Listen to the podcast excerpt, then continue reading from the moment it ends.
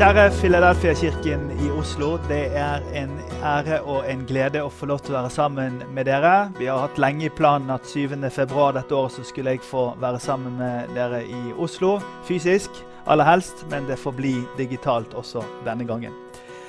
Dere er i gang med en ny serie som eh, er blitt kalt eh, 'Møter med Jesus', og jeg gleder meg til å si noe i forhold til den serien. Når jeg nevnte meg slutten av eh, min studietid i USA, når jeg studerte teologi der, så eh, ba jeg til Gud og så sa jeg, 'Herre, hva vil du med mitt liv nå framover?' Opplevde en sterk trang til å reise ett sted i Europa, sånn så det ut den gangen. Eh, å være en som, som skulle bygge menighet og, og, stå på for Jesus. Så opplevde jeg som om Gud hvisket til meg at om du bare gir dem Jesus jeg spurte igjen ja, men vi skal vinne hele Europa. Hvordan skal vi gjøre det? Hva er strategien? Om du bare gir dem Jesus. Og Så argumenterte jeg litt og sa at det er jo de som er flinke med på TV, og så er det de som er flinke å drive ungdomsorganisasjoner, og så er det evangelister og misjonærer. Om dere bare kler av Jesus, alt som har blitt kledd på han, så at han får vise seg fram som den han er, så vil folk si ja til Jesus. Den opplevelsen den har jeg hatt med meg. Jeg har en eh, klokkeklar tro på at eh, Jesus er attraktiv for mennesker. Men jeg tror at mye av det vi har kledd på han gjennom historien, gjennom eh, våre kulturer, gjennom våre preferanser og meninger, gjennom kanskje religionens vesen, har kledd på han, det gjør at mange sier dessverre nei til Jesus. For noen år tilbake eh, satte Bjørn Eidsvåg opp et eh, teaterstykke som eh, han kalte for 'Jesus etterlyst'. I eh, det teaterstykket som gikk i de store byene i Norge, så fikk vi følge Bjørn Eidsvåg fra hans barndom på bedehuset der i Sauda. Hans opplevelse av tvil, av tro, av frykt og av angst rundt religiøse tema og den type ting. Helt fram til hans studier på Menighetsfakultetet. og Det er Bjørn Eidsvåg sin fortelling om hans liv vi blir presentert. Når det teaterstykket gikk, så var det noen som rykket ut i avisene og sa ja, men selv om Bjørn Eidsvåg opplevde Jesus på den måten, så gikk vi på det samme bedehuset. Vi også fikk den samme forkynnelsen, og vi ser det ikke sånn som Bjørn ser det. Nå er det ikke min oppgave å si noe om hva som er rett og feil her. Men jeg har lyst til å understreke det at uh, vi mennesker vi, vi kler på Jesus greier. Vi uh, tar med oss vår egen personlighet. Vi tar med oss hendelser som skjer i livet vårt. Vi tar med oss våre egne opplevelser og erfaringer. Og alt dette det blir til vår egen opplevelse av hvem Jesus er.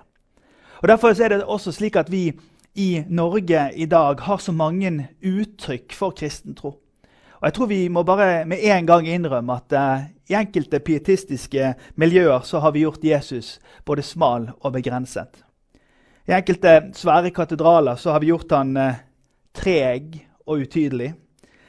I noen mer materialistiske orienterte miljøer så har vi ønsket at Jesus skal være rik, så at vi også kan få lov til å være det. Og så har noen vektlagt det at han er vår alles tjener fordi at vi helst skulle tenke og lede i vårt eget liv. Våre fremstillinger av hvem Jesus er, de er preget av vår erfaring, vår kultur og vårt liv. Men Bibelen gir oss en veiledning til hvem Jesus er, så at vi kan gå til Hans ord og få en klart blikk på hvem er det Jesus stiger fram og viser seg å være. Og Jeg er så glad for at vi kan være en sånn menighetsbevegelse og Filadelfia-kirken en sånn menighet hvor vi går til Guds ord for å se hva er det Guds ord lærer oss under temaet 'Møter med Jesus'. Og Jeg har lyst til å ta deg med i dag til Markus kapittel 2. Og så skal vi lese eh, en historie der hvor, eh, ifra, ifra, Jesu hjemby eh, Kapernaum. Et sted han var veldig mye, i Kapernaum.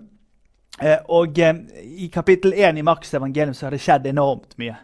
Eh, og eh, Når vi kommer inn i kapittel 2, så er det et rykte som har gått om Jesus, som gjør at eh, folk trenger seg på for å treffe han, og vi leser sammen.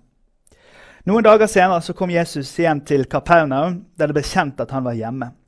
Det samlet seg så mange at de ikke fikk plass, ikke engang utenfor døren. Mens han forkynte ordet for dem, kom de til ham med en som var lam. Det var fire mann som bar ham, Men de kunne ikke komme fram til ham pga. trengsel. Derfor så brøt de opp taket på stedet der han var, laget en åpning og firte ned båren som den lamme lå på. Da Jesus så deres to, så sa han til den lamme, 'Sønn, syndene dine er deg tilgitt.' Så satt det noen skriftlærde der, og de tenkte med seg selv, 'Hvordan kan han si slikt? Han spotter Gud.' Hvem andre kan tilgi synder enn én? Det er Gud. Straks visste Jesus i sin hånd at de tenkte slikt, og så sa han til dem, 'Hvorfor går dere med slike tanker i hjertet?' Hva er lettest å si til den lamme? Synden er deg tilgitt, eller stå opp, ta båren din og gå. Men for at dere skal vite at menneskesønnen har makt over jorden til å tilgi synder, og nå vender han seg til den lamme, så sier deg, stå opp, ta båren din og gå hjem. Mannen reiste seg, tok straks båren og gikk ut rett foran øynene på dem, så alle ble ute av seg av undring, og de priste Gud, og de sa, noe sikt har vi aldri sett. Det vi drømmer om i Norge, det er jo at uh, Ola og Kari skal si noe slikt har vi aldri sett. For i møte med Jesus så oppstår en erfaring som gjør at vår egen fortelling den får liv og dybde i seg. Og Vi tror jo som folk i vår åndelige tradisjon at den personlige erfaringen er viktig. Og Det som jeg håper å gjøre i løpet av de neste minuttene, og du tar deg med gjennom denne bibelteksten her, Eh, under overskriften 'Møter med Jesus', og spesielt vektlegge det som handler om helbredelse, og kanskje litt til overraskelse hvilken helbredelse er det Jesus betoner mest i denne teksten som vi i dag leser. Noen dager senere så kom Jesus til Kapernaum. Det ble kjent at han var hjemme, og det samlet seg mange. Det var så mange de fikk ikke engang plass utenfor døren. Og da er det smågruppen eh, blir viktig. Også den gangen så var det slik at folk var interessert i å ta med vennene sine til Jesus. Og dette her var ikke eh, veldig sjenerte folk eller forsiktige folk. Dette var en pågående gruppe mennesker som hadde en kamerat, og denne kameraten han må vi få tett på Jesus. Så det står fordi at de ikke kunne komme fram pga. trengselen, så brøt de altså opp taket over stedet der han var. De laget en åpning, og de firte ned båren som den lamme lå på. Og jeg har forestilt meg hvordan han fra Kristiansand må ha sagt dette er nå ikke så lurt at vi gjør. Han fra Sunnmøre har vært bekymret over hvor mye det koster å reparere taket etter man har ramponert det. Trønderen har tenkt det er bare å kjøre på, og så får dere sjøl tenke hva østlendingen ville gjort her. Men det er smågruppen som har bestemt seg for at nå tar vi med vennen vår til Jesus. Jeg har vært pastor i 20 år nå. Og Både som ungdomsleder og nå som leder for SALT så har jeg vektlagt dette med smågruppen. Jeg er helt overbevist jeg, om at uh, veien til Jesus den går sjeldent alene. At Noen ganger i livet vårt så trenger vi noen som kan ta oss med dit. Vi har akkurat gjort en undersøkelse i kirken vår i forhold til hvordan er det veien til Jesus går. Og Vi ser det gjentagende ganger at folk kommer ved at noen har invitert dem ved at noen har brakt de med til kirken, ved at noen har satt de i berøring med kristen tro. Vi må ikke kimse av det faktum at eh, vi alle som står rundt de som ikke kan gå sjøl, vi har en oppgave. Jeg kunne fortalt gjentatte eh, historier fra hele Norge hvor smågruppen har vært viktig.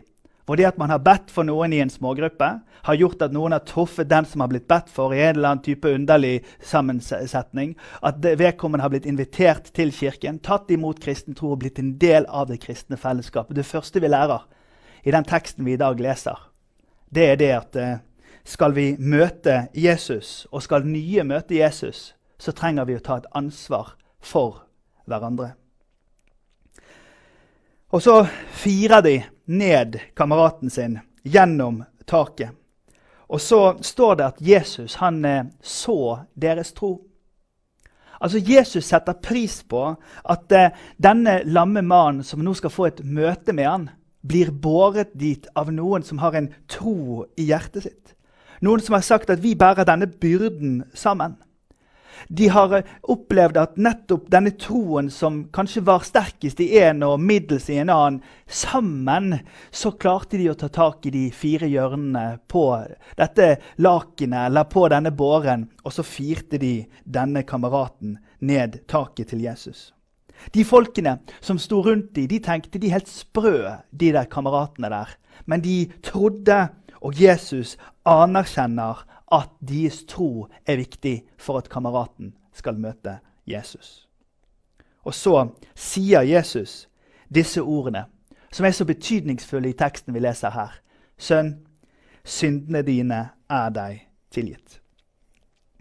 Men det var jo ikke derfor de brakte han til Jesus. De brakte han til Jesus fordi at Jesus skulle si 'ta båren din, stå opp og gå'. Men Jesus begynner med 'syndene dine er deg tilgitt', og rekkefølgen er viktig her.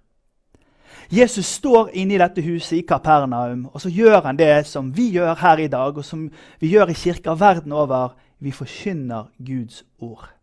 Fordi at det er i ordets kraft at det indre blir helbredet. Det er i ordets kraft at det virkelige behovet som vi har som mennesker, blir adressert. Og her møter jeg mennesker til stadighet i mitt pastorale arbeid. Folk som opplever at når krisen kommer, da kommer man til den kristne kirken. Når eh, bankkontoen er tom, samlivet skranter, når barna blir mobbet på skolen eller ulykken er der, da kommer vi med våre behov til Jesus. Men Jesus han ser alltid forbi de behovene han kan løse med sine hender. Og så ser han til det virkelige behovet vi mennesker har, nemlig å høre disse ordene Dine synder er deg tilgitt. Nå var det noen skriftlærde som satt der. Og de tenkte med seg selv hvordan kan han si slikt? Han spotter Gud. Hvem andre kan tilgi synder enn Gud? Skriftlærde de har jo en fantastisk evne i å holde seg til det som var sagt før, og gjenta det på en ny måte. Eh, kopiere ned skriftrullen og lage kopien. Slik er det, og slik skal det alltid være. Så De reagerte på at Jesus sa disse ordene. Og I mitt pastorale arbeid så merker jeg mange mennesker som kommer ifra en, en, en åndelig tradisjon som vektlegger stillhet og fromhet. og blir noen ganger overrasket over at Gud kan også være i det litt mer eh, eh, det litt, det litt mer eh, positive og framoverlente og glade miljø. Folk som har tenkt at Gud taler bare gjennom sitt ord, får en ny erfaring ved at han taler også ved sin ånd. Mennesker som opplever at sånn har det alltid vært før, men så møter man andre sin erfaring og andre sitt repertoar og åndelig temperament, og i nettopp det så skjønner man at eh, de personlige erfaringene og møtene med Jesus de kan være så varierte de bare vil, men de peker oss i retning av det at Gud er livgiveren, og Jesus er den som bringer det inn her. Midt i et hus i Kapernaum, midt iblant dem der de hadde en regel for hvordan ting skulle gjøres, der viser Guds kraft seg fram gjennom det Jesus gjør. Straks visste Jesus det i sin ånd, at de tenkte slik, og så sa han til dem Hvorfor går dere med sånne tanker i hjertet? Hva er lettest å si til den lamme? Syndene dine er deg tilgitt, eller ta båren din og gå? For rekkefølgen er viktig her. Jesus sier først ordene 'syndene dine er deg tilgitt' til den lamme mannen. Fordi at eh, det er det viktigste budskapet Herren sender til oss mennesker. Det at han reiser oss opp på innsiden. Og når han har uttalt de ordene, så er det som om når han da skal straks snu seg til den lamme mannen og reise han opp fysisk, så er det en fysiske beviset av helbredelse også et bevis for at han har makt til å gjøre det han sa om syndene hans. Men for at dere skal vite at menneskesønnen har makt på jorden til å tilgi synder, og nå vender han seg til den lamme. Du vet, Når han vender seg til den lamme, så vender han seg bort ifra de skriftlærde. Altså Han tar ryggen imot deres selvrettferdighet, deres regler. Og så vender han seg til den lamme, og så sier han, 'Stå opp, ta båren din og gå hjem'. Tilgivelsen må komme først. Helbredelsen kommer etter. Og Det vi sitter igjen med i 2021, det er at budskapet om helbredelse er først og fremst et budskap til vårt hjerte. For det gjelder alle mennesker. Og så er det også en klinkende klar melding i denne teksten. At eh, han har kraft og makt til å helbrede våre fysiske sykdommer. Men vi begynner i hjertets viktigste behov, nemlig å høre 'du er tilgitt'. Mannen reiste seg, så tok han båren og så gikk han ut rett for øynene på dem. Og alle ble ute av seg i undring, og de priste Gud, og så sa de noe sånt har vi aldri sett før. Og jeg tenker med oss, kjære Philadelphia-kirken, tenk hvis det kan være sånn i Norge nå og framover at Ola og Kari, som ikke tror så mye, kan si noe sånt har vi, har vi aldri sett før. Tenk hvis det å møte Jesus var noe som eh, vi alle sammen tok inn over oss som et ansvar som vi har. Tenk hvis vi kunne være sånne venner rundt de som ikke tror så mye, som tenker at vet du, for at folk skal komme til Jesus, så trenger vi noen ganger å bære dem. Bære dem i bønn, bære dem med en invitasjon, bære de i en samtale, bære de i en omsorg. Tenk hvis vi kunne være slike. Magnus Malm han sier i en av sine bøker at vi bidrar til sekulariseringen hvis vi, vi ikke involverer oss der hvor mennesker trenger å bli båret.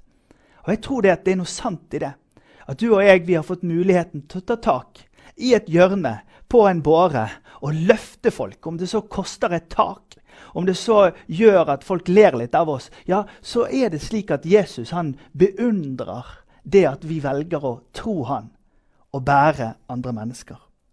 Tenk hvis det kan være sånn at i tanken på at andre skal få lov til å møte Jesus, så møter vi dem med ordene 'Du er tilgitt'. En av de største mytene omkring det kristne fellesskap, og kanskje spesielt oss som tilhører en frikirkelig sammenheng, det er at det er noen fromhetsidealer og noen eh, kulturelle normer som eh, fort gjør at man kan stikke seg ut som en som ikke passer inn, og at man blir stigmatisert hvis man ikke tror sånn og sånn og er sånn og sånn. Tenk hvis det ryktet om det å møte den kristne menigheten, det er at man blir akseptert og inkludert og tilgitt. Du er tilgitt. Møter med Jesus. Jeg håper og tror for menigheten i Philadelphia, kirken, at vi kan møte mennesker sånn som eh, Jesus møtte dem i denne teksten. Tenk hvis vi kunne ta oss av de som ikke kan gå sjøl. Tenk hvis vi kan bære de som ikke kan gå sjøl. Og tenk hvis vi kan eh, si til de menneskene som ikke tror så mye, at når du er tilgitt, så er du også oppreist til å vandre i et nytt liv. La meg be for oss. Herre, vi takker deg for denne serien som vi er inne i nå, om møter med Jesus. Jeg ber deg om at disse ukene må bli forvandlende for oss. At det vi møter denne teksten i lys av Den hellige ånds åpenbaring og eh, nytt lys for oss, at det skal treffe oss der vi er i livene våre. Og så ber jeg deg, Herre, for hver enkelt som lengter etter et møte med deg, at det faktisk skal skje. Og så ber jeg for hver enkelt av oss som ønsker å bringe andre mennesker nær deg, at du gir oss mot til å gjøre det. Vi ber i Jesu navn. Amen.